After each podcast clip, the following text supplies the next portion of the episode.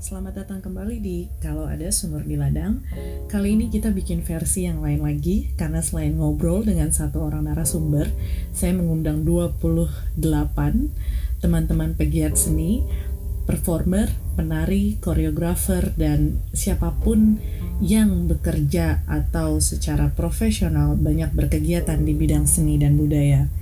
Kegiatan ini bernama Tea Talk atau Tea Time Talk adalah sebenarnya uh, upaya saya dalam mengisi waktu luang di sekitar pukul 4 sampai 6 sore waktu London um, untuk bisa melakukan sesuatu yang santai, yang ringan tetapi juga uh, menjadi uh, momen untuk refleksi juga um, inspirasi untuk saya kemudian menentukan agenda-agenda apa selanjutnya yang bisa saya lakukan um, untuk kemaslahatan seni pertunjukan Indonesia sekalipun kita harus uh, bisa bertahan dan bisa uh, untuk stay sane di tengah pandemik ini.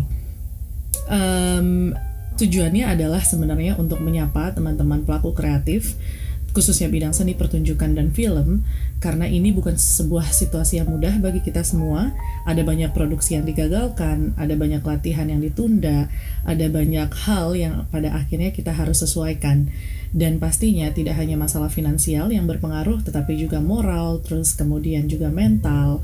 Uh, dan rasanya ini bukan hal yang patut kita hadapi sendirian dengan kenyataan banyak juga pertanyaan-pertanyaan yang kemudian menggelisahkan saya ketika saya tahu banyak kolektif atau seniman independen di uh, eh, UK atau di London khususnya secara aktif mereka langsung membangun um, langsung mem merespon merespon atas apa yang mereka butuhkan juga sebagai manusia tidak hanya sebagai pekerja. Uh, misalnya dengan kesehatan pekerja kreatif atau pekerja lepas tidak jarak tidak memiliki um, rights atau tidak memiliki hak karena semata-mata mereka tidak tahu um, atau mungkin tahu tetapi tidak dipedulikan oleh pemerintahnya. Kemudian uh, saya juga kagum dan merasa tertarik ketika tahu bahwa teman-teman di sini berupaya untuk merich untuk menggapai bukan hanya orang-orang yang ada di online yang punya akses internet tetapi juga orang-orang yang ada di real life yang sekalipun tanpa pertemuan mereka bisa membantu untuk membuat kegiatan. Karena pada akhirnya pertanyaannya uh, seperti yang dilontarkan oleh salah satu peserta yang kemarin ikut uh, namanya Ibu Kenny Suryatmaja menanyakan jadi sebenarnya fungsi seni itu di tengah kondisi seperti ini apa? Kalau kita berkuar-kuar bahwa uh, kita adalah profesi adalah sebuah um, konsentrasi atau area disiplin yang sangat sama pentingnya dengan dokter, dengan lawyer, dengan guru. Tapi ketika ini terjadi, kita di mana? Posisi kita apa dan kita bisa ngapain aja? Lagi saya percaya ketika seniman banyak berkomentar, banyak ber terinspirasi dari society, dari kehidupan masyarakat, saya rasa kita punya hutang besar untuk bisa mengembalikan itu atau setidaknya uh, melakukan upaya-upaya lain untuk bisa membuat situasi kondisi masyarakat jauh lebih baik lagi, jauh lebih ringan lagi dan terus merawat harapan di tengah masa krisis ini. Jadi itu sebenarnya tujuannya dan pastinya ini boleh diikuti oleh semuanya bahkan yang non um, creative workers pun sehingga mereka tahu apa yang kita gelisahkan. Malah saya justru pengen ini bisa multidisiplin gitu, lintas disiplin sehingga insight dan perspektifnya jauh lebih banyak lagi. Dan um, kalau disimpulkan apa yang saya dapatkan dari teman-teman kemarin adalah bahwa um, kita sama bingungnya, sama gelisahnya, sama kalutnya, sama optimisnya, sama penuh harapannya. Uh, tapi habis itu kita mau jalan ke mana, kita mau uh, berbuat apa, menemui siapa, itulah sesuatu yang menurut saya perlu dijahit, perlu dirangkai. In the end, what we actually need is just um, you know direct connection atau hubungan yang terarah dan saya pikir ini adalah cara awal untuk kita bisa membuat hubungan yang berkelanjutan, hubungan yang terarah dan hubungan yang membuatkan membuahkan hasil dan uh, usaha untuk membuat industri kreatif lebih baik lagi. Selamat mendengarkan. Anyway, jadi gue bikin kepikiran kemarin karena gue gelisah sendiri, uh, bukan gelisah karena uh, selain karena pervirusan tapi karena memang gue ngelihat sendiri gimana di UK semua sektor itu akhirnya berbahu membahu mereka mengatasi uh, krisis yang terjadi terkait virus ini gitu, terutama di bidang entertainment as in creative industry, apalagi di bidang pertunjukan gitu. Nah, um, ini gue kemarin kayak mengumpulkan apa yang bisa gue baca dan menurut gue ini jadi bahan pertimbangan kita juga. Karena at the end ketika kita ngomongin industri, nggak bisa melulu kita ngomongin um, apa ya di luar itu tanpa ngomongin si pekerjanya itu sendiri gitu. Dan kelihatan banget di sini gimana orang-orang mikirin uh, industri pertunjukan, mikirin uh, pekerja kreatif bukan cuma sekedar karya gitu, tapi juga hak-hak atau misalkan kayak uh, kebutuhan mendasar dari uh, si kreatornya itu sendiri itu kayak ini yang gue baca uh, maksudnya yang gue cari kenapa sih akhirnya kegelisahan ini ke kegelisahan gue semakin menjadi-jadi kayak sebagai anak antropologi baru-baru ini ya at the end um, uh, peradaban tuh cuma bisa terjadi ketika kita secara society itu beneran bahu membahu untuk membawa kemaslahatan bagi masyarakatnya gitu mau apa pun sektornya. Terus habis itu gue ngumpulin tuh beberapa kayak misalkan fakta bahwa sekarang uh, eh, 5 juta pekerja uh, pekerja self employed itu nggak punya uh, asuransi, nggak punya pembayaran untuk kalau dia sakit. Jadi terlepas dari virus apa enggak, uh, di cover apa enggak, bagi pekerja kreatif sendiri kita nggak punya kebijakan untuk itu still di UK terutama. Terus kayak di sini gue naruh pertanyaan, it's funny kenapa government itu bahkan nggak offer untuk bisa mengcover mereka, padahal di saat yang sama keputusan politik mereka tuh mereka malah minta kita untuk jadi entrepreneur gitu, untuk jadi pekerja uh, independen. Tapi kalau udah ada kejadian kayak gini, mereka juga nggak mau turun tangan. Terus kayak yang menarik uh, justru Art Council dia langsung ambil alih dan kemudian memprovide ke government bukti-bukti bahwa COVID-19 itu juga berpengaruh ke cultural sector lebih besar lagi karena si Bojo, si Boris Johnson itu mereka meminta masyarakat untuk nggak datang ke pertunjukan, ke teater, tapi nggak secara formal dan secara legal bilang teater tuh harus tutup. Kalau itu nggak dibilang, mereka tuh nggak punya asuran, eh nggak punya kapasitas buat ngeklaim. Jadi istilahnya kalau mereka nggak tutup, mereka harus tetap bayar karyawan, mereka harus tetap bayar semua perlengkapan yang gitu-gitu, padahal nggak dipakai. Nah terus kayak uh, The Society of London Theatre, terus dia bilang bahwa ada 290 ribu individual working in theater industry uh, ngalamin impact yang sangat merugikan. Uh, tapi di saat yang sama mereka juga panik berpikir setelah kejadian ini mereka juga harus uh, menyiapkan gitu apa yang mungkin ketika semua orang udah menyadari bahwa online itu sangat efektif gitu.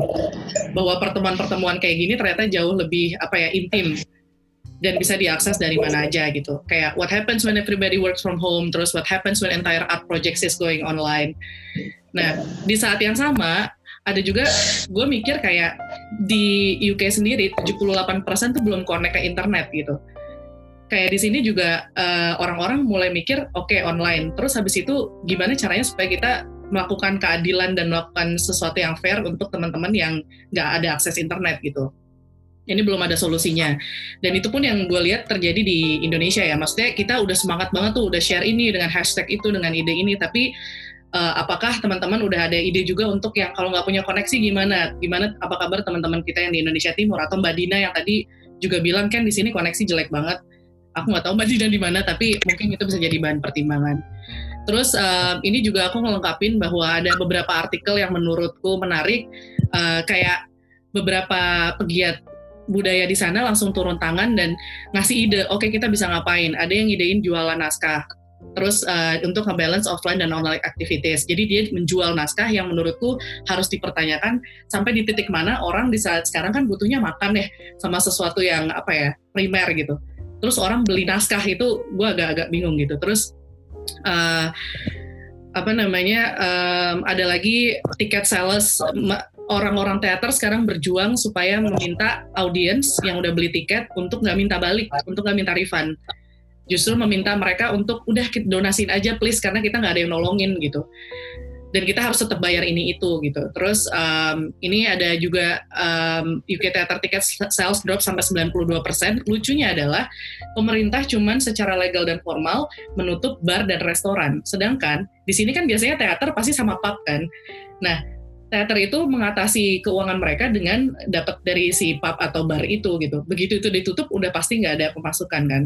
Jadi itu juga uh, jadi polemik yang heboh sendiri. Terus uh, uh, it curtains ya, ini sesuatu yang bahaya buat dunia pertunjukan terutama teater ya kalau di sini. Tapi memang mereka langsung bikin uh, di hari tiga hari lalu mereka bikin conference buat seluruh uh, leader art leader untuk bisa mengatasi gimana pekerja-pekerja mereka. Terus habis itu um, Terus uh, yang mesti di note di sini juga, gue nggak tahu kalian baca Yuval apa enggak, karena nggak semua orang suka. Tapi ini menarik ketika dia bilang we need a global plan, karena ini udah bukan masalah satu orang lagi, ini masalah dunia. Dan ketika ini jadi masalah dunia tuh permasalahannya bukan cuma sekedar, I mean kesehatan is a top priority, tapi lebih ke secara sosial, ekonomi gitu-gitu bakal ngaruh banget. Terus habis di sini itu gue di sini nyari kayak Inspiration Initiative uh, udah ada classical music opera to stream at home. Di sini listnya banyak banget dari mulai uh, around Eropa, Paris, Berlin, yang mereka ngeluarin semua arsipnya untuk bisa ditonton sama teman-teman di rumah. Jadi once ini keadaan baik-baik, mereka harapannya adalah orang mau nonton ke yang sebenarnya gitu. Terus ada Art Council uh, England, dia bikin kayak um, dia justru mensupport supaya pekerja kreatif tetap punya pekerjaan, dia malah ngekspor gitu kayak eh NHS NHS tuh rumah sakit lo butuh nggak pekerja yang bisa bantuin lo admin atau pekerja yang bisa bantuin lo serving people gitu? Yang jelas mereka pengen orang-orang kreatif tuh tetap punya kerjaan di masa-masa krisis gini. Udah sih itu doang um, sebenarnya gue pengen lebih juga dengar dari teman-teman so far apa sih yang terjadi di di apa ya di Indonesia dan dan karena kalau dari uh, versi Tempo sih bulan April kalian baru akan mengalami puncaknya ya. Kalau gue di sini udah kayak dari seminggu lalu orang Eropa udah udah nggak bisa ke mana-mana gitu. Gitu sih so far dan gue sangat uh, appreciate kalau juga ada mungkin Ferry atau misalkan beberapa temen yang kayak dari Paradance atau yang emang udah bikin suatu gerakan dan responnya kayak gimana. Gitu teman-teman. Silakan siapa yang mau share duluan. Iya. Uh, halo semuanya. Um, iya sih kita memang baru banget mulai bahkan sekarang pun kita masih mati-matian berusaha untuk orang-orang mau tinggal di rumah. Mm-hmm. Um, beberapa minggu lalu Nuart baru akhirnya membuat keputusan untuk art space pertama di uh, Bandung untuk menutup karena kita parno sendiri dan kita merasa kayak kita harus mulai deh berani untuk bilang uh, nutup gitu. Itu pun masih baru nutup untuk publik. Buat teman-teman yang nggak tahu, saya uh, managing directornya Nu Art Sculpture Park di Bandung. Dan keputusan yang lebih berat adalah ketika awalnya kan baru uh, tempatnya ditutup untuk publik. Dan kita masih terima delivery makanan dan lain-lain. Justru lebih berat ketika kita kemudian akhirnya beberapa hari yang lalu memutuskan bahwa pekerja pun harus berhenti hmm. ada 173 karyawan yang mesti gue pikirin hmm. nasibnya selama enggak ngantor karena kebanyakan itu pekerja harian bukan hmm. kontrak. Kalau kontrak kan digajinya udah sebulan sekali ya tanpa menghitung mereka masuknya berapa hari. Sementara kalau pekerja harian dia nggak masuk ya gimana dibayarnya gitu. Iya. Yeah. Tapi akhirnya uh, keputusannya adalah tetap di karena ini kondisi force majeure gitu.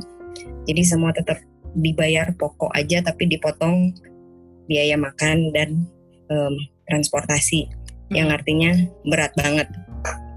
Cuman uh, ya untung gak untungnya sih sebenarnya Nuar itu kan masih punya induk semang ya. Hmm. Yang menjadi berat adalah uh, dengan adanya Panyoman itu sebenarnya kita nggak jelas sustainability-nya dan saat ini beberapa bulan terakhir kita lagi mencoba untuk membuat platform supaya kita lebih bisa berdikari gitu sendiri uh, tanpa bergantung penuh sama uh, owner. Tapi di masa-masa seperti ini kerasa banget untungnya. Jadi memang dipotong uang makan, tapi kemudian Ibu Nyoman membeli uh, memberikan masing-masing 25 kg beras kali 173 hmm. karyawan yang menjadi kompensasi buat para karyawan itu. Hmm. Itu satu sih yang menjadi berat di awal um, per, hmm. pemberhentian ini gitu. Hmm. Yang kedua tadi seperti lu bilang kita harus terus maintain um, pergerakan kita uh, harus terus eksis gitu sebagai art space Sementara akses online dan teknologi yang ada di sini juga masih sangat terbatas. Mm-hmm. Uh, saat ini banget, hari ini banget kita lagi mencoba untuk uh, develop virtual tour. Untungnya ada anak-anak TA yang pernah bikin uh, virtual tour jadi 360 derajat tapi di beberapa titik di mm-hmm. Muart dan um, captionnya tapi masih sangat sederhana. Jadi sekarang tuh kita lagi mudah-mudahan dalam beberapa hari ke depan kita bisa launch Nuart uh, virtual tour uh, yang mudah-mudahan jadi yang pertama di ya. Indonesia gitu. Dan ini diharapkan jadi uh, jalan keluar seenggaknya buat seni rupa mungkin. Jadi beberapa pameran kita kan terpaksa ditunda nih.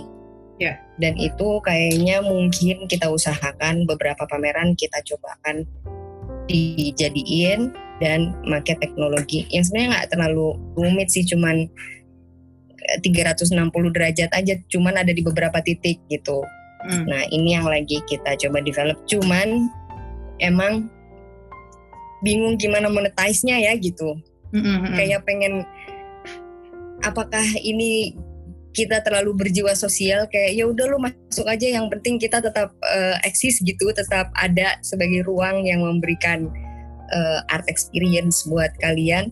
Tapi pikir-pikir kan uh, tempat ini tutup berarti gue kehabisan duit gitu. Dari harusnya ada 2000 orang kali tiket masuk yang itu aja cuma 40% ngebayar overhead ini sekarang sama sekali nggak ada malah nol gitu. Dan ini kan sebuah situasi yang akan berlangsung mungkin 2-3 bulan ke depan. Hmm. belum ada solusinya cuman berharap sih dari teman-teman tuh sebenarnya experience untuk art space apa sih yang uh, kalian inginkan. Dan segimana kita tega untuk meminta donasi supaya ini hmm. terus hmm. berjalan gitu. Monetizing yeah. is really hard work gitu sekarang apalagi untuk orang Indonesia orang lagi susah nggak digaji kali duitnya dipotong malah kita harus minta duit tapi ya kita juga butuh duit gitu mm -mm. itu sih kali yang gue lempar itu kali ya oke okay. how to manage in this condition how to saya oke okay. um, menarik sih karena gue kemarin juga baru ngobrol teman-teman tahu sindikasi kan ya acungkan jempol tahu sindikasi ya itu menarik karena um, apa mereka kan memang gimana caranya dengan solidaritas tuh mereka mengamankan profesionalitas mereka gitu. Karena at the end menurutku untuk masalah artistik masalah inspirasi teman-teman nggak perlu diragukan lagi gitu. Tapi yang bikin gue gelisah adalah ketika kita kita memang orang-orang yang berjuang sendirian gitu yang yang selalu independen gitu. Tapi untuk menghadapi sistem gue rasa kita nggak bisa main sendirian terus. Uh, for example adanya BPJS juga ketika buruh berserikat gitu mereka mereka bilang ke pemerintah bahwa lo boleh uh, gaji kita nih segini-gini aja, terus lo mahalin beberapa hal. Ya udah kalau gitu lo lindungi kita, proteksi kita dengan kesehatan. Terus lahirlah BPJS. Maksud gue kayak um, kalau profesi kita ini mau sustain gitu, uh, dengan adanya krisis kayak gini, kita nggak bisa terus-terusan mikir as individual gitu. Um, mungkin kalau gue sendiri, gue pribadi udah nggak pusing lagi masalah kalian style yang mau kayak gimana, teman-teman genrenya mau kayak apa, tapi lebih kayak gimana kita bisa ngomong ke sistem. Karena bahkan uh, gue pernah sempat ngomong ke Backcraft juga sama Pak Amin. Terus mereka malah uh, Pak Amin responnya bilang kalau kayak gitu kamu ngomongnya langsung ke tenaga kerjaan. Which means dari teman-teman dari sindikasi bilang orang-orang tenaga kerja merasa menganggap kita bukan pekerja. Karena seniman nggak mau dibilang pekerja itu masalahnya. Karena kata kerja bekerja atau pekerja itu punya sisi politisnya sendiri gitu. Jadi yang pengen gue lempar ke teman-teman juga sih kayak um, dengan monetizing, dengan dengan akhirnya kita punya kesadaran untuk kolektif gitu bahwa kita adalah juga bekerja akui aja gitu. Jadi kalau ada orang-orang yang ngetawain ih kalau mau sih jadi buruh atau apa? Secara nggak sadar at some point kita juga bekerja gitu. Jadi um, mungkin juga bisa dikasih tahu ide dari uh, Ferry uh, Ferry juga bisa berbagi atas apa yang dilakuin dan mungkin ada plan-plan untuk ke depannya gimana sih uh, me, apa ya mengajak masyarakat untuk bisa lebih concern aware gitu sama bidang ini. Oke, okay, uh, kemarin sih awalnya habis ujian tesis aku habis ngobrol sama Mbak Rene tentang masalah uh, kedekatan kita sebagai performer dengan teman-teman uh, yang menjadi audiens. Berawal dari situ, berawal dari situ terus kemudian aku malam tuh mikir apa ya kira-kira yang bisa kita lakuin sebagai sebagai pelaku seni terutama tari terutama Mm-hmm. uh, di di kondisi yang kayak gini, maksudnya di kondisi yang kita harus stay at home. Nah, secara kebetulan uh, aku juga kemarin uh, risetku tentang jarak, tentang jarak dan jarak antar tubuh, sorry. Sorry, aku jadi deg-degan ya, padahal tea time loh. oh iya bener. Terus santai lah. Uh, terus dari situ aku mencoba buat wah ini berarti ada salah satu metodeku yang bisa aku coba untuk mendekatkan diriku sebagai performer dengan audiens. Uh, di mana audiens itu bisa ada di mana aja, nggak harus yang ada di uh, suatu pertunjukan yang datang. Maksudnya benar-benar real pertunjukan gitu. Tapi kita sebagai performer harusnya sadar bahwa kita punya media sosial media sosial di mana kita tetap bisa menjadi seorang performer di sana. Kita bisa melakukan media sosial itu sebagai ruang pertunjukan kita. Nah, di sini aku mau share tentang apa yang sudah aku lakuin beberapa hari ini. Udah tiga hari ini uh, mencoba untuk membuat kolaborasi bareng teman-teman yang ada di Instagram melalui uh, Instagram Story. Di sini uh, aku memberikan nama project ini sebagai Kogeometry, di mana Kogeometry adalah gabungan dari kata, koreografi, dan geometri. Nah, maksudnya ya kita tahu koreografi seperti apa, terus kemudian kenapa ada geometri di sini? Karena aku melihat ada potensi lain yang nantinya muncul ketika teman-teman bisa memberi, memberikan sesuatu bersamaan. Terutama uh, teman-teman yang yang yang yang ikut berkolaborasi ini nggak cuma dari Jawa, nggak cuma dari Sumatera, tapi dari hampir seluruh pulau di uh, Indonesia. Nah, kemarin ada beberapa ada ada dari Aceh, NTT, Sulawesi juga. Nah, kemudian kenapa? Ya itu tadi di awal aku udah jelasin ini tuh perpanjangan dari proyekku yang kemarin uh, di karya tesis mm-hmm. living room di mana aku pengen mencoba untuk lebih dekat dengan audiens. Terus mm. kemudian di waktu yang bersamaan ternyata untungnya ada ya bukan untung sih uh, kebetulan, secara kebetulan itu kita lagi semua orang harus berada di rumah dan stay uh, from hmm. social sociality gitu. Terus aku pengen berbuat sesuatu bagaimana kita sebagai performer untuk bisa memberikan uh, support secara positif kepada teman-teman ini gitu. Yang yang biasanya ada di luar terus kemudian nggak berkegiatan terus diam di rumah. Terus kemudian ini juga jadi kesempatan untuk kita sebagai uh, seniman tari terutama untuk memberikan edukasi sedikit tentang uh, koreografi secara sederhana. Jadi teman-teman yang yang tidak tahu menahu tentang koreografi ini bisa sedikit tahu tentang koreografi basic basic koreografi itu seperti apa.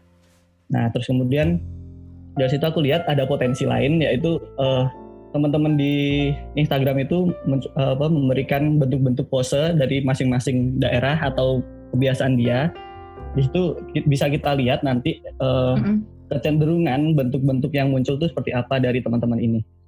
Oke, terus kemudian kenapa uh, siapa kolaboratornya?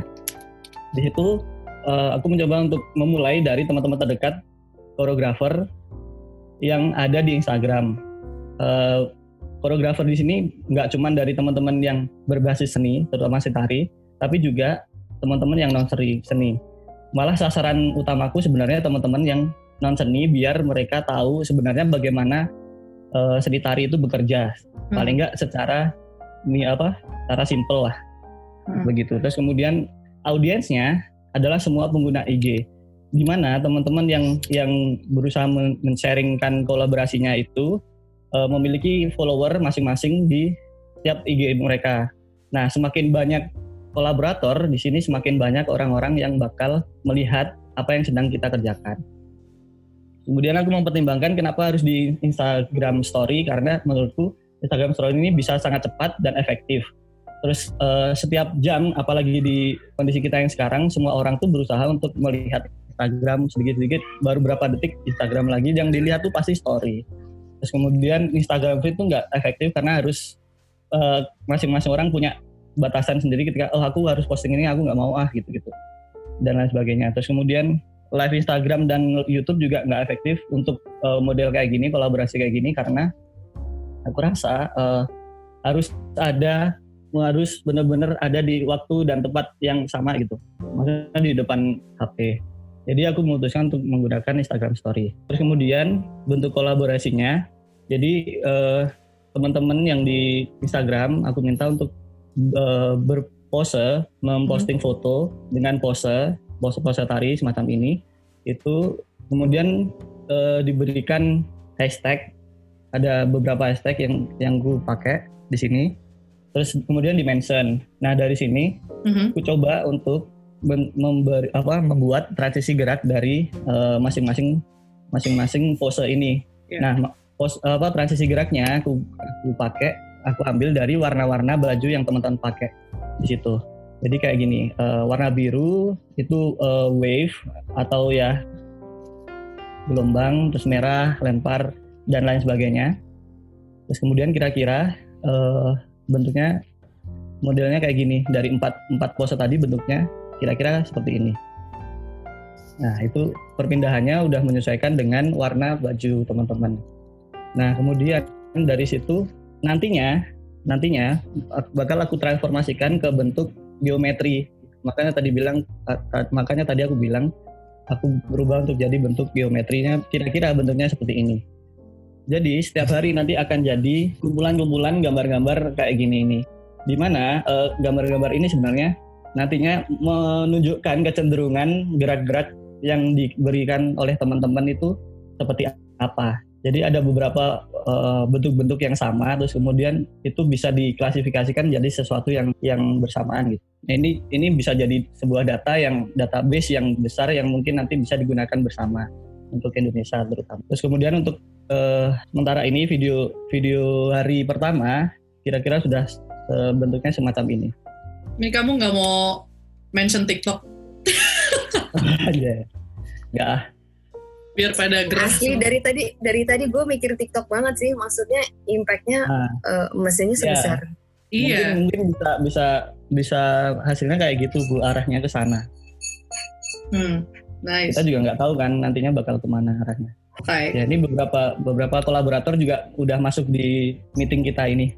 Ada dari Aceh, ada Kalimantan. Gimana saya something? Kayak kayak si Mbak Ria juga bikin Peppermoon juga gitu kan sebenarnya.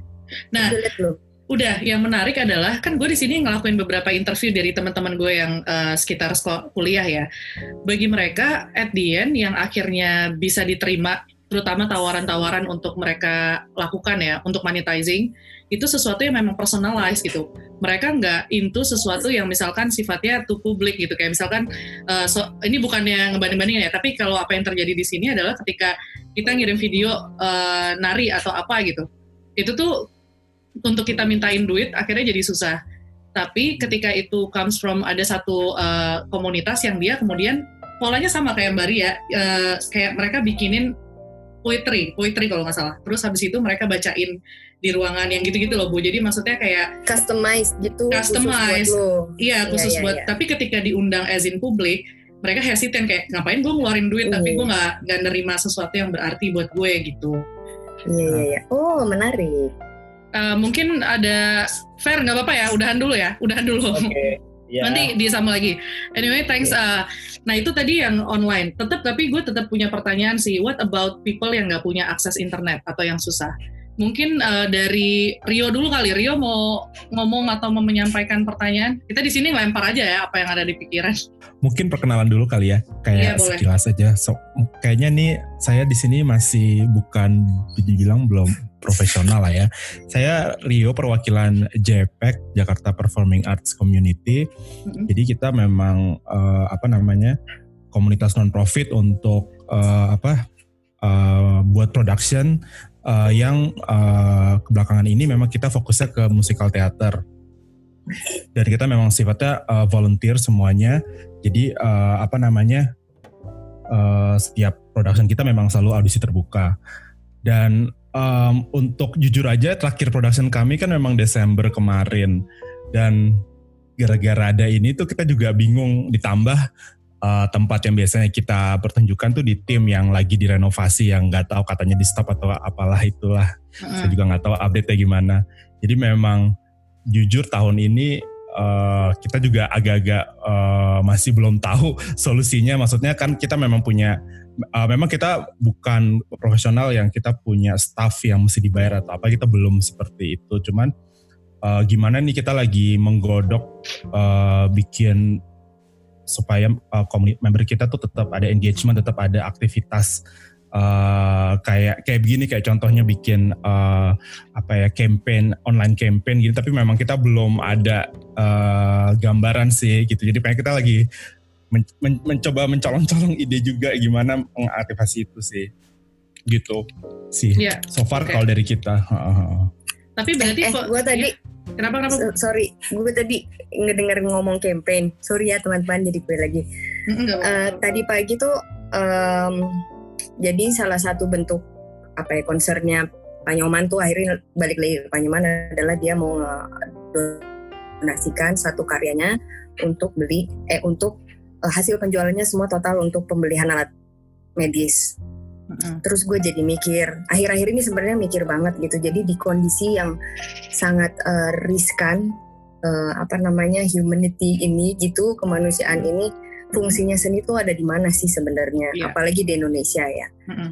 Um, kita selalu teriak-teriak mengatakan bahwa kita ini punya peranan yang penting, terus mm. kita pengen disamain sama penting sama dokter, sama tentara, sama bidan, sama guru gitu. Tapi uh, pada masa-masa seperti ini kita juga nggak tahu mesti kontribusi apa gitu. Uh, kita kemarin teriak-teriak minta disamain, tapi sekarang udah jelas-jelas memang orang-orang yang ada di garda depan adalah orang-orang di profesi itu. Yeah. Semestinya kita juga punya dong kontribusi uh, untuk sosial gitu. Itu berarti akan kembali trace back ke fungsi kita sebagai seniman tuh apa gitu, fungsi seni itu apa yeah. dan apa yang bisa kita kasih untuk society. Karena we have been using society in our concepts gitu. Di konsep-konsep karya kita selalu kita ngomongin masyarakat.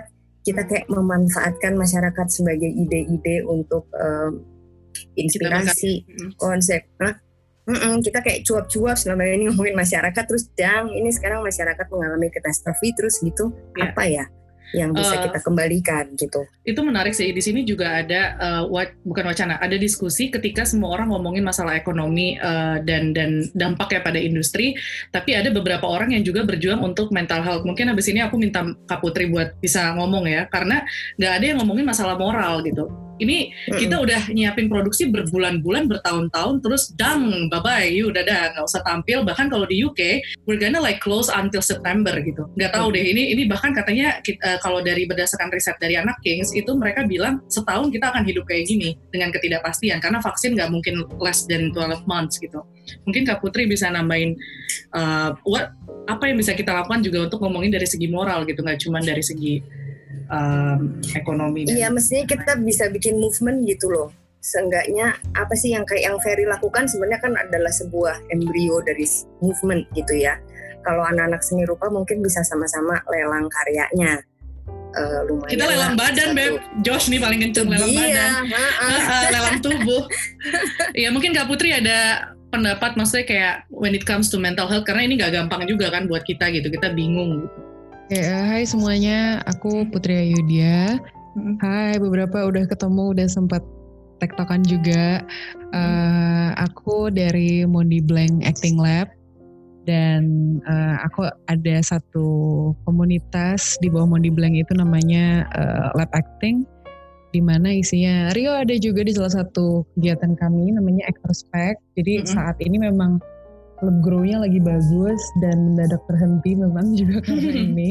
Hmm. Tapi enggak sih, enggak nggak bisa dibilang terhenti juga. Aku justru cukup surprise karena kemarin ternyata uh, akhirnya kita bikin kelas online ya. Hmm. Uh, dan seneng banget teman-teman ternyata um, terusik kembali aspek-aspek yang justru kurang dengan adanya pertemuan-pertemuan gitu. Aku selalu berpikir bahwa hmm, yang namanya acting tuh ya berlaku ya berbuat ya. Kayaknya mm -hmm. kalau latihan yang nggak ketemuan nggak ngapa-ngapain tuh ada yang off gitu. Betul betul. Ada yang kurang. Tapi ternyata yang berbuat tuh banyak sekali dan pada akhirnya kemarin kami end up dengan online ngomongin soal character works. Uh, aku jujurnya dapat itu dari Mas Rosa Rukman Rosadi. Mm -hmm. mungkin ada teman-teman yang kenal dari Jogja. Uh, Mas Rosa uh, memberikan sheet dengan 76 pertanyaan dan pertanyaan itu kemudian dipakai untuk breakdown karakter mulai dari karakteristik fisik, psikologis, um, dan moral qualities. Um, yang menarik adalah justru komentar pertama dari salah satu murid kelas spek yang punya kegelisahan. J oh JPEG juga bukan sih Heriska? Eh, bukan bukan JPEG, J, JP. Eh, iya betul ya. Oke. Okay. Um, dia bertanya um, karakter tuh saya bingung nih. Aku pikir karena dia bahasa Inggris lebih lancar daripada bahasa Indonesia sehingga dia kesulitan dengan pertanyaan-pertanyaannya. Dia tanya, saya bingung dengan pertanyaan-pertanyaannya. Oh kenapa? Kenapa? Ada yang bingung kata-katanya apa? Saya mikir uh, kalau pertanyaannya kayak gini, karakternya gimana ya? Tapi masalahnya saya juga jadi mikir, saya gimana ya? Jadi pertanyaan-pertanyaan itu ternyata sangat reflektif ke dalam diri kita sendiri. Which is kita baru sadar pertanyaan-pertanyaan itu bahkan belum tentu bisa terja terjawab oleh kita secara person. Jadi aku punya karakter, aku mau main jadi kayaknya. Dari pertanyaan-pertanyaan itu aku bilang, oke okay, kayaknya kira-kira kayak gini nggak ya gitu. Jawabannya masih imajinatif gitu ya. Eh, tapi aku juga mikir, ah, kalau gue gimana ya gitu. Nah, uh, menurutku pertanyaan-pertanyaan yang uh, sifatnya filosofis, reflektif gitu, ini ada momentum yang baik untuk kita bisa nanya lagi ke diri sendiri dan juga mengetahui kebutuhan kita apa sebelum tahu uh, orang lain butuhnya apa. Hmm. Nah, menurutku ini udah jadi forum yang baik banget untuk melihat secara global kebutuhan tiap orang apa. Uh, di sini ada yang penari, uh, musisi ada? Uh, insya Allah, insya Allah. okay. kita semua okay. insya Allah. Baiklah. Hmm. Oke, okay. uh, eh, atau painter. Nah, uh, aku aktor. Jadi um, semua aku di film juga ada kepala sekolah saya Nosa Normanda masih ada tuh di uh, Nosa kepala sekolah di Mondi Blank Film Workshop. Uh, itu kerasa banget kalau untuk film semua syuting aku ditunda gitu. Oh, uh, untung udah turun DP. Kalau belum turun DP siang kan Panik. semua ya. Uh, Panik banget. Tapi itu pun menjadi masalah besar karena kita semua tahu kalau seniman uh, di Indonesia rata-rata ternyata di London juga ya. Mm -hmm. uh, dan di luar juga uh, kita masih sering kita sering kali tidak bisa menghitung jangka panjang gitu. Mm. Dan tadi definisi pekerja, hmm, uh, kita memang bekerja sih, pekerja seni gitu. Bahkan hmm. aku beberapa kali kan ngotot untuk laporan pajak sendiri. Hmm. Nah itu juga ngaruh banget gitu, melakukan hal-hal yang terkait dengan administratif kenegaraan yang membuat kita jadi diakui pekerjaan kita diakui benar-benar ada dan tertulis gitu. Hmm. Nah sebenarnya simpel kalau di Indonesia udah lumayan kayak kredit rumah udah bisa pekerja bebas. Hmm, uh, dulu nggak bisa. Kayaknya ketika tahun aku berusaha untuk mencicil tempat tinggal, aku nggak bisa. Jadi aku mencicil tempat tinggal bukan dengan namaku, tapi dengan nama orang lain. Hmm. Okay. Uh, kemudian aku ngerasa kayaknya yang paling jadi masalah adalah persoalan insecurity ya dari semuanya. Padahal insecurity bisa jadi pangkal mula dari semua masalah kesehatan mental. -hmm. um, apa pun. Um, personal maupun komunal. Kalau misalnya uh, hubungan kayak gini, meskipun ada kontak secara online gitu, hmm, tapi nggak semuanya bisa difasilitasi online ya gitu. Terutama kayak misalnya, hmm, aku pribadi termasuk orang yang uh, touchy. Menurutku aneh banget ketemu, ketemu orang dan tidak bisa menyentuh itu buat aku stressful banget gitu. Um, even tuh cuman salaman atau mungkin ada di sini hakaholic sama kayak gue pun jadi punya masalah besar gitu. Hai, jadi bener-bener Hai Josh. Hai kayaknya. Iya, oke. Okay. so, um, aku tadi melihat ada memang aku setuju bahwa kita ada satu gerakan yang perlu dilakukan tapi um, aku berpikir kalau semua orang menginisiasi gerakannya masing-masing toh pada akhirnya kita akan kebanyakan gerakan gitu dan akhirnya orang bingung. Betul. Makanya dan itu Mbak, maksudnya sorry huh? kepotong. Uh, maksudnya kayak itu udah kegelisahanku paling maksimal kayak hmm. mau sampai kapan kita merasa kita baik-baik saja gitu as in individual dan as in ya udah komunitas masing-masing justru pengen kayak ngapain maksudnya gimana ya ya tadi aku bilang ya uh, dengan sistem gitu karena kita berhadapan dengan yes. sistem men gitu bukan dengan hmm. individu gitu kan Drupadi juga sudah menginisiasi core kolaborasi untuk semua untuk hmm. untuk berbagai bidang uh, seni gitu menurutku itu akan jadi menarik banget dan memang nggak bisa dipungkiri sih uh, kesulitan tersendiri untuk yang tidak punya internet um, sebenarnya ada dua macam ya karena aku mendengar teman-teman di daerah tertentu bahkan gak sejauh-jauh deh Ijul mana Ijul yang kemarin bilang bahwa di Bogor di sana tetap aja ketemu ketemu aja kumpul-kumpul aja gitu. Orang nggak ter begitu orang nggak terlalu peduli sama berita malah nggak terlalu gimana-gimana gitu.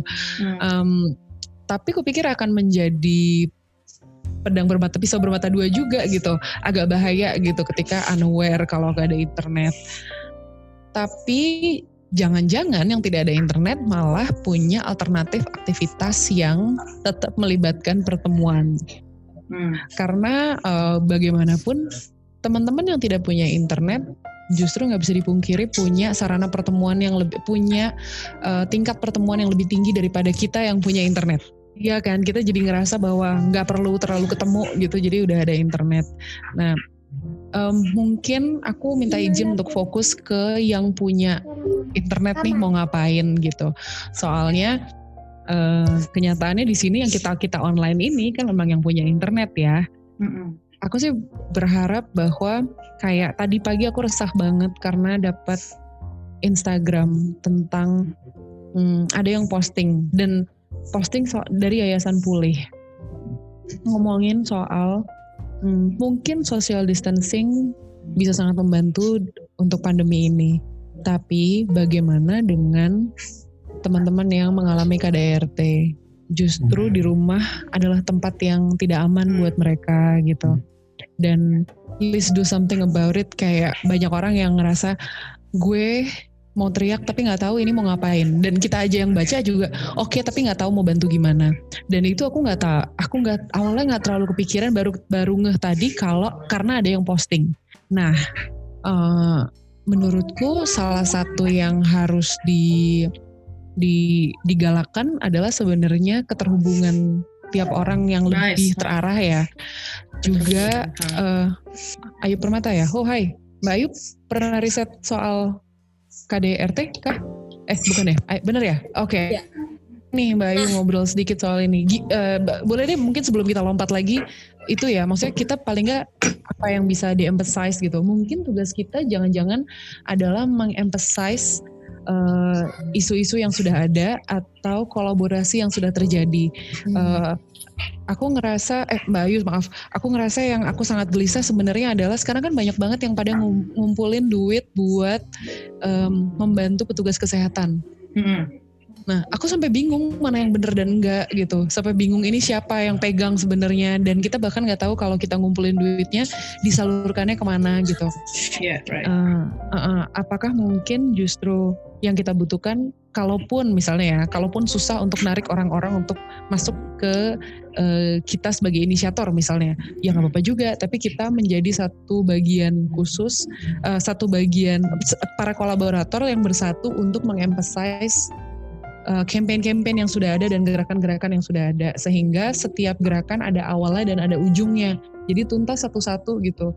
Menurutku nggak semuanya kemudian jadi mengambang dan bergerak sendiri Yeah. Meskipun pasti aku yakin banyak banget ide yang bagus-bagus ya, tapi juga banyak banget yeah. masalah yang belum selesai, belum kelar gitu. Dan baru ketahuan, baru kerasa nih sebenarnya dua minggu di uh, isolasi ini kan di karantina, aku ngerasa kita jadi punya mesin waktu untuk bikin semuanya berhenti sejenak. Dan gitu, mikir. Karena Hmm, dan mikir karena yeah. kayaknya biasanya kalau gue libur karena pekerja bebas, yang lain gak libur gitu. Jadi yeah. kayak ah, kemudian kita catch up waktu gitu. Nah di sini nih waktu di mana semua sepakat bahwa semuanya berhenti gitu. Dan ah. pada akhirnya bisa ngelihat lebih detail lagi. Nice. mungkin bayangan yeah. aku itu ya. Um, kalau mm. yang lain gimana Mbak Ayu mungkin tadi? Um, sorry, bentar yuk sebelum sebelum Ayu ngomong, ini gue baru dapat update kalau keputusan hmm. di UK, UK adalah government bakal pay 2.500 buat seluruh pekerja lepas uh, baru hari ini dia keputusannya. Hmm, okay. Anyway, itu kan bagus kan 2.500 per month karena mereka juga uh, uh, sorry kolektif di sini merasa bahwa lo punya regulasi bahwa kita semua harus jadi kerja independen harus jadi entrepreneur. Tapi lo nggak mau bertanggung jawab ketika ini terjadi. Kemudian keluarlah keputusan bahwa oke okay, gue support lo 2.500 per month. I mean itu sekitar 80% dari um, apa namanya penggaji yang penghasilannya. Oke, okay, um, hmm. guys ini karena gue uh, ngeplannya sejam, ini sebenarnya bisa 24 jam bebas, tapi um, ada baiknya juga teman-teman yang belum ngomong kita bisa sekalian ngomong sebelum ini tuntas. Tapi ada empat poin yang saya highlight di sini. Yang pertama, yang baru datang juga mungkin belum tahu tadi bahwa pertanyaan besarnya adalah how we monetize uh, the thing that we do that we do gitu. Karena iya bahwa kita uh, kesadarannya udah ada, rasa ingin menolong dan membantunya udah ada, tapi at some point bagaimana kita juga sebagai pelakunya tersejahterakan gitu. Terus yang kedua adalah ide offline, walaupun ada uh, pertimbangan dari Kak Putri tadi, kalau offline berarti pertemuan dong, gimana ada nggak ya in real life apa yang bisa kita lakukan tanpa melibatkan atau ini masih pertanyaan gitu karena kita selalu berpihak ke online tapi bagaimana kabar teman-teman yang gak, belum punya akses ke sana Terus habis itu ada pertanyaan bubu yang menurutku menarik, fungsi seni itu ada di mana? Karena kita selalu berkoar-koar bahwa kita adalah setara dengan semua pekerjaan penting lainnya, tapi di tengah krisis kayak gini, apa yang bisa kita lakukan gitu. Terus yang keempat juga tadi Kak Putri menarik tentang keterhubungan yang terarah. Kita udah guyup nih sekarang, terus mau ke mana jalannya gitu. Karena kita udah repot sama komunitas kita masing-masing, sekarang kita juga harus mikirin kebersamaan ini gitu. So I think um, ada baiknya masing-masing dari kita untuk bisa kasih uh, apa ya tiga kata atau satu kalimat yang menggambarkan apa sih yang ada di kepala, apa sih yang paling menggelisahkan saat ini. Jadi bisa aku rangkum dan kita bisa tumpuk dulu gitu untuk kemudian di waktu-waktu lain kita bisa bahas.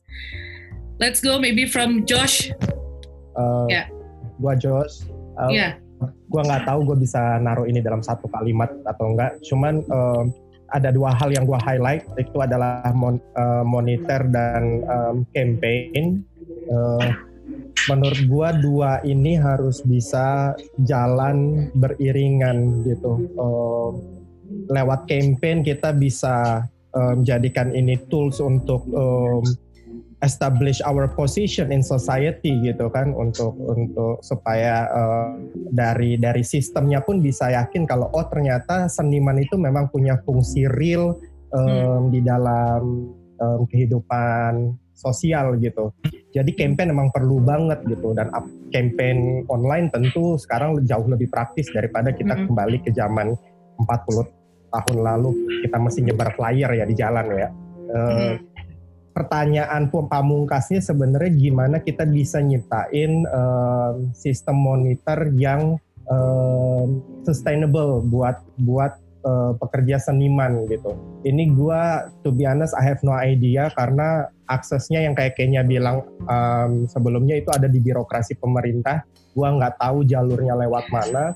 Tapi kalau kita bisa compile, iya sama. Kalau maksud gua, um, I don't know, gua uh, eh, gue mikir kalau misalnya kita bisa compile um, apa aja yang sudah kita lakukan and then um, campaign-campaign apa yang yang sudah kita lempar ke masyarakat bagaimana kita um, peran seniman itu menjadi um, menjadi satu rujukan di dalam kehidupan sosial ataupun politis suatu negara gua rasa kita jadinya bisa punya kita gua percaya banget kita punya posisi penting. Hanya saja birokrasi pemerintah kita tidak tidak yakin sama itu. Ya nggak sih? Gitu mm -hmm. kan. Uh, uh, oke. okay. so gue nggak punya gue kebiasaan gue nggak punya idea untuk itu. Cuman up, yang kita jalankan sekarang uh, sorry yang teman-teman sudah jalankan sekarang gue sebenarnya cukup or, orang gue termasuk orang yang sangat anti uh, online hmm. gue nggak begitu suka. Jadi begitu dalam posisi sekarang ini gue gue gue adalah orang yang sangat terganggu. Karena gue nggak suka taruh karya gue di online. Gue nggak suka um, share ide gue di online. Gue gue lebih menghargai pertemuan yang intim face to face langsung gitu. Daripada gue mesti berkoar-koar di sosial media gitu. Iya gitu kan. Jadi kondisi sekarang ini slowly but sure killing me pasti. Oke. Okay. And I, ya pasti killing all of us anyway gitu. Hmm. Ya itu okay. itu hmm. itu respon gue sih yang gue lempar. Thanks Josh. Ayu mungkin. Oke, okay, ya, halo ha -ha. semuanya. Ha -ha. Uh, aku bingung sih ngomong dari mana. Tapi yang pengen aku tanggepin pertama itu ketika Bu Kenny dibilang fungsi ngomong tentang fungsi seni di mana itu kayak itu kayak nampar banget sih. Karena memang kita berkoar-koar.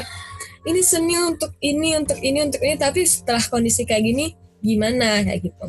Hmm. terima kasih Bu Kenny atas tamparannya. Loh. Emang dia hobinya nampar kok tenang aja. nampar ya.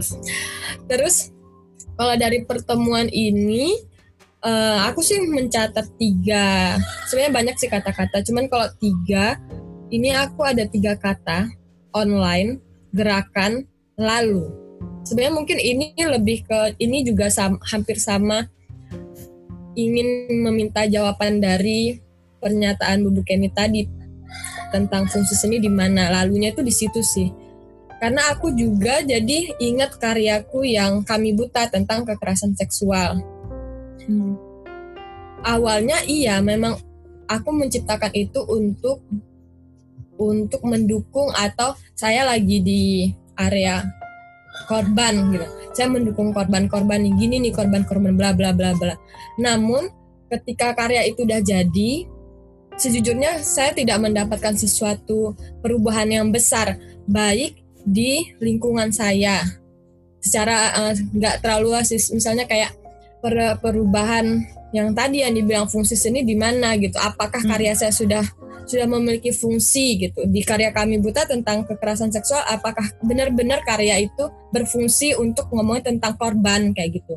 Hmm. memang secara skala kecil iya. Skala kecil seperti aku dengan tim-timku iya. Aku dengan tim-timku kita jadi tahu oh kekerasan seksual begini kita tidak boleh begini bla bla bla bla gitu. Tapi di tim kita nah saya nggak tahu nih kalau misalnya secara besar skala besar ke penonton itu seperti apa. Saya takutnya ya ini sebagai pertunjukan. Ya pertunjukan ngomongin tentang kemanusiaan. Kemudian gimana dengan manusia yang diomongin? Terus manusia yang men, yang mendapatkan berita itu atau melihat pertunjukan itu bagaimana manusianya uh, menanggapi itu. Nah itu yang saya nggak tahu sih. Sehingga tamparan banget sih pas tadi ngomongin tentang fungsi seni itu di mana. Gitu. Nah sebenarnya saya senang banget ya sama kegiatan teman-teman yang seperti Ferdi kemudian Paradens Dominan yang lain-lain itu. Tapi memang tadi pagi benar banget tadi pagi saya tuh mikir uh, lalu setelah ini gimana ya? Apakah ini bisa membantu membantu dalam artian ekonomi atau apa. Karena ini juga jadi salah satu ekonomi kan jadi salah satu gangguan buat kita ya. Semua hmm. festival diundur semuanya diundur. Apalagi kita di Indonesia nih pemerintahnya juga masih bodoh amat dengan seniman gitu. Yang kayak Mbak Kenny awal omongin gitu.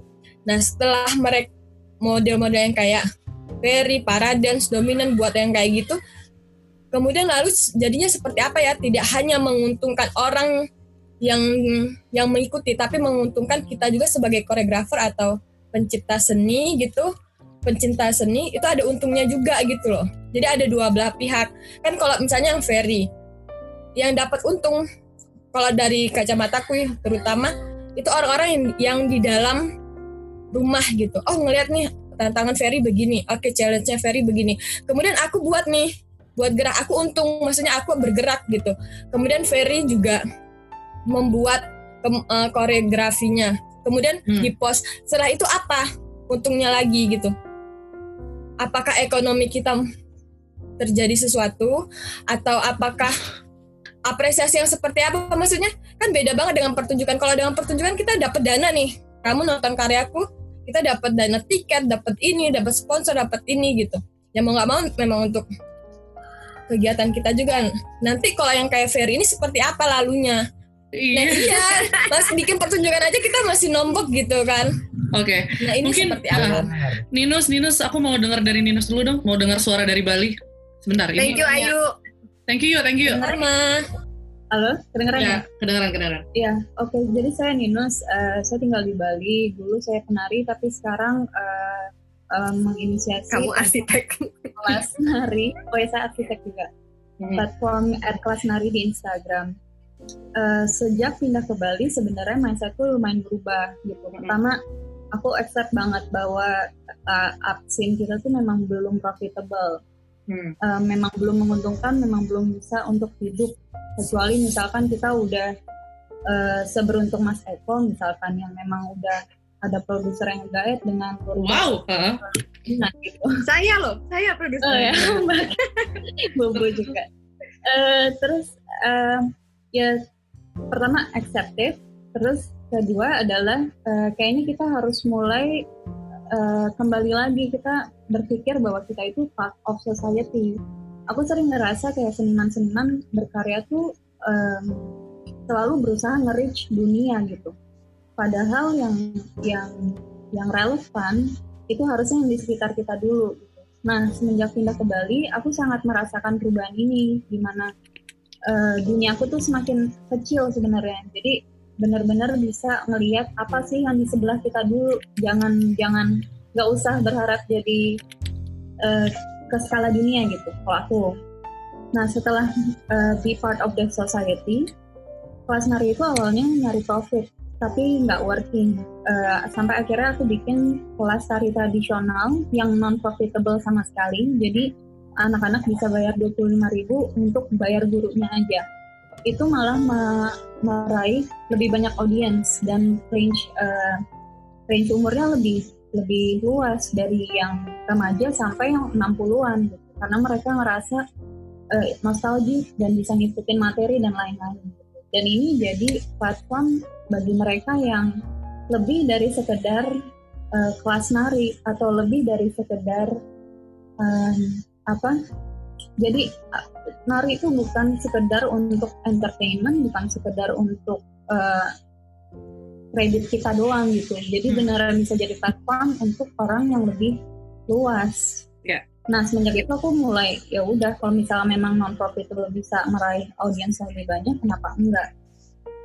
Terus masalah tadi Mbak Ayu ya, uh, aku juga sempat concern masalah gimana seniman itu uh, melakukan riset yang sangat dalam, kemudian itu dijadikan karya yang yang sering kali nggak bisa ditangkap oleh audiensnya, terus yeah. udah bebas selesai gitu. Nah aku sempat kepikiran gimana kalau misalkan kita bikin satu uh, platform kolektif yang mengumpulkan raw material dari karya-karya seni ini gitu yang sebenarnya bisa di, diolah lagi oleh orang lain dengan bentuk yang lain. Menurutku itu jadi lebih Sustain. apa ya? Itu movement yang kolektif dan ber, mungkin punya impact yang lebih jadinya. Nggak sekedar berhenti di karya kita. Okay. Terus um, ya belajar donasi, dari donasi ide gitu maksudnya. Don, donasi Enggak, konsep jadi kayak atau uh, kayak misalkan kita kayak Josh ngomongin body and space terus dia dapat beberapa uh, reference itu bisa dimasukkan ke si platform kolektif ini sehingga orang lain juga bisa mengakses itu gitu.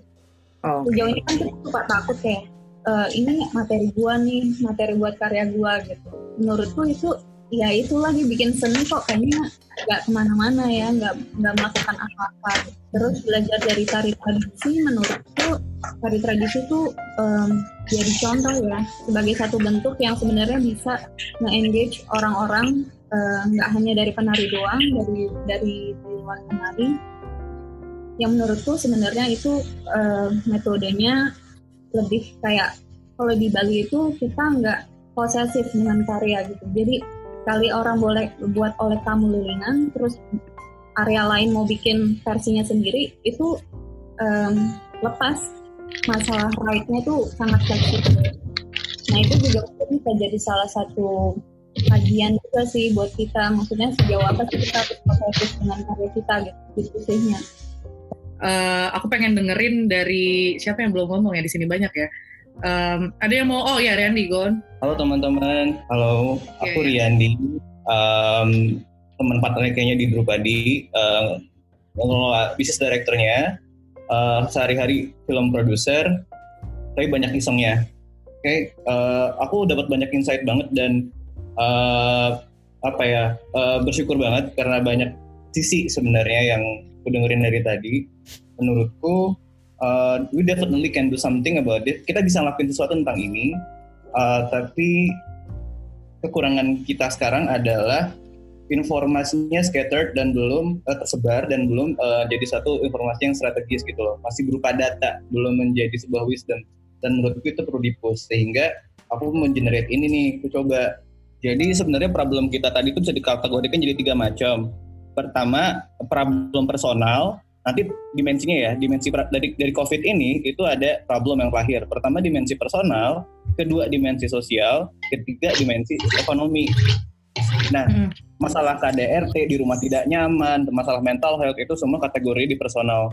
Masalah sosial kayak baga bagaimana orang mau bayar bagaimana biar orang nggak panik dan segala macam itu sosial yang lebih eksternal. Terus berikutnya ekonomi bagaimana biar orang willing to pay bagaimana cara paymentnya itu ada masalah ekonomi apakah kita bisa jualan uh, tadi nyumbang nyumbang tenaga kerja ke kesehatan segala macam itu masalah-masalah ekonomi. Nah itu tiga tiga dimensi yang tidak bisa dipikirin uh, barengan barengan langsung dengan ekspertis yang kita miliki sekarang. Makanya kita butuh uh, teman-teman lain dari bidang yang lain. Makanya uh, aksi strategisnya adalah tiga tiga kata aku pertama. Aksinya pertama adalah generating. Kita perlu mengenerate uh, pertanyaan kuncinya jadi kelemahannya dari bagusnya dari kita kita nggak tinggal diam. Kelemahannya adalah kita ngelakuin sebisanya tanpa pernah mikirin ini bakal bikin real impact nggak ya. Semua pergerakan kita sekarang eksperimental jatuhnya. Belum ada yang ada result uh, impact sosial maupun ekonomi apalagi. Hmm. Jadi uh, menurutku PR pertamanya adalah bagaimana mengenerate key questions. Termasuk tadi pertanyaan apa uh, pertanyaan di, di, dihadirkan buku ini kan seniman ada aja di mana? Iya, itu salah satu dari pertanyaan yang harus dilontarkan. Hmm. Tapi kenapa kita perlu generate questions dari problemnya supaya nanti benar kata Ninus, supaya bisa uh, apa namanya solving the real problem sehingga orang berikutnya bisa willing to pay gitu loh. Hmm. Berikutnya yang kedua uh, yang perlu kita lakukan berikutnya adalah menurutku adalah mengkatalogkan. Sekarang ada banyak banget gerakan-gerakan berbagai macam inisiatif tapi tidak terkoneksi. Menurutku uh, perlu ada uh, inisiatif untuk meng, pertama mensensus itu semua, kedua sharing informasi di antara gerakan-gerakan tersebut. Jika jadi ketika ada yang udah ngelakuin itu dan gagal, yang lain juga tahu, oh kalau gitu nggak works loh gitu loh. Yang apa yang dilakukan Ferry bisa jadi nanti bisa berguna buat minus gitu loh. Tapi kan hmm. kan kalau nggak ada uh, apa namanya tim taktis soal itu nggak akan ada ter, apa namanya transparansi yang enak gitu. Ketiga, hmm yang berikutnya adalah PR yang paling menurut aku uh, penting tapi belum bisa secepatnya yaitu create tapi create bisnis sistemnya artinya kita kalau misalnya bisa, masalah bisnis sistem itu kita nggak bicara dimensi karya lagi kita nggak bicara masalah dimensi seni lagi. Bisa jadi solusinya adalah kita main saham, kita bisa main cryptocurrency, kita bisa main uh, registrasi IP, bisa licensing, banyak banget solusinya yang akan sangat sulit dengan kemampuan kita sebagai seniman saja kayak gitu. Hmm. Sehingga aku rekomendasikan biar ini ada ujungnya, maka uh, kita perlu bikin menurutku lima, at least lima, lima tim. Pertama uh, itu tim taktis, tim hmm. strategis, tim yang mikir. Kedua uh, yang paling penting sekarang tim taktis, kedua riset itu perlu dulu, itu duluan dulu. Hmm. Karena riset ini tugasnya adalah dua. Pertama, menginventarisasi gerakan-gerakan yang sudah ada, menginventarisasi uh, inisiatif yang sudah ada dan kenapa lakukan itu. Satu, sisi, sisi kesenimannya sama satu lagi sisi audiensnya. Apa sih demand-nya sekarang di tengah-tengah ini? Hmm. Ketiga, setelah kita punya tim taktis dan riset, berikutnya aku perlu, aku pikir kita perlu bikin tim manajemen yang manage informasi itu semua, yang uh, rutin ngadain calling-callingan kayak gini yang bikin timeline, yang bikin uh, ngerti lah ya maksudnya tim manajemen. Keempat, kita perlu bikin tim media. Tim media ini berfungsi untuk dua hal. Pertama, meri, uh, memantau media, memantau berita yang udah ada, sehingga kita keep informed. Jangan, jadi kan banyak banget informasi yang nggak valid kan ya. Nah, tim media bertugas untuk memfilter itu. Kedua, uh, menyebarkan dari kita seniman ke keluar juga internal dan eksternal terakhir kita punya tim seniman. Tim yang eksekutornya tim yang ngelakuin kerjaannya langsung. Nah yang tidak balance di sini menurut aku adalah uh, di di uh, zoom forum zoom ini kita uh, sebagian besar sekarang sedang berpijak sebagai seniman. Mindset kita sekarang melihat melihat problemnya sebagai seniman. Kita belum ada uh, walaupun kita berpikir tentang strategis ya tapi pijakan kita ada di seniman itu loh. Uh, okay. menurutku kalau kayak gitu uh, akan sulit. Uh, makanya yang bisa okay. diberikan sekarang adalah rekomendasi tindakan kita berikutnya apa? Um, Oke, okay. um, eh tadi uh, mau curhat dulu bentar, sorry ke skip. Kamu mau curhat apa? Oh iya, kedengeran nggak? Kedengeran dong, kedengeran. Um, pengen curhat aja sih sebenarnya. Di Jakarta tuh chaos banget. Uh, yang pertama, um, aku agak sedikit prihatin terhadap diri sendiri sama teman-teman yang kebetulan memang merantau dari tempat lain ke Jakarta. Dan akhirnya uh, sekarang sangat-sangatlah menurutku memprihatinkan karena tidak ada penghasilan yang benar-benar benar-benar gitu. Semuanya terhenti sama sekali dan kita tuh benar-benar kalau ada yang punya simpanan terhadap um, apa uangnya tabungannya itu ya alhamdulillah gitu. Tapi ada yang teman-temanku tuh pada bilang kalau ya nih lagi nggak ada simpanan bla bla bla gimana dong gini gini gini gini dan semua itu terhenti pertama itu hmm. um, memperhatikan orang-orang yang merantau di Jakarta terus sekarang tidak hmm. terkurung di kamar dan tidak melakukan apa-apa gitu hmm. aku bingung bagaimana untuk membantu hal-hal yang seperti itu gitu karena kan ini ber, um, menyangkut kehidupan seseorang juga kan yeah. terus yang kedua um, menanggapi soal apa online online itu. Sebenarnya ada beberapa company di Jakarta yang melakukan um, apa melakukan tindakan pekerjaan yang tetap harus berjalan gitu. Kayak misalnya contohnya UDW di UDW itu ada Arif dan ada beberapa teman-teman yang lain itu dia tetap bekerja gitu online. Um, mungkin aku udah nanya-nanya. Mungkin memang kata mereka tidak se penghasilannya tidak sama seperti biasanya namun tetap berjalan gitu. Tapi kan tidak semua company melakukan itu dan tidak semua murid juga bisa mau gitu atau tetap berpartisipasi dalam um, kegiatan online kayak gitu. Oke. Okay. curhat aja. Nggak apa-apa, nggak apa-apa. Emang tadi masalah monetizing. Um, tapi yang kayak kamu banyak atau maksudnya teman-teman peran, mas ini IKJ kan berarti ya? Di lingkup IKJ atau enggak? Enggak. Lingkup, oh, okay. uh, sorry, sorry ini di lingkup penari sih, maksudnya okay. penari ataupun um, ngajar di daerah-daerah Jakarta karena memang semua kelas di Jakarta tuh tutup gitu untuk yeah. kayak dua minggu itu dua minggu aja tuh udah lumayan menyita dan menyiksa para pengajar misalnya ya jadi kayak yeah. semuanya terhenti gitu karena bayarannya juga bayaran per kelas atau yeah. bayaran per datang per jam yang sebagainya gitu yeah. terus sebenarnya ini tuh relate sama apa yang dikatakan Ayu juga terhadap Ferry misalnya. Kayak misalnya kalau misalnya udah melakukan hal online itu bisa merubah faktor ekonomi kita nggak saat ini misalnya kayak gitu. Nah mungkin hmm.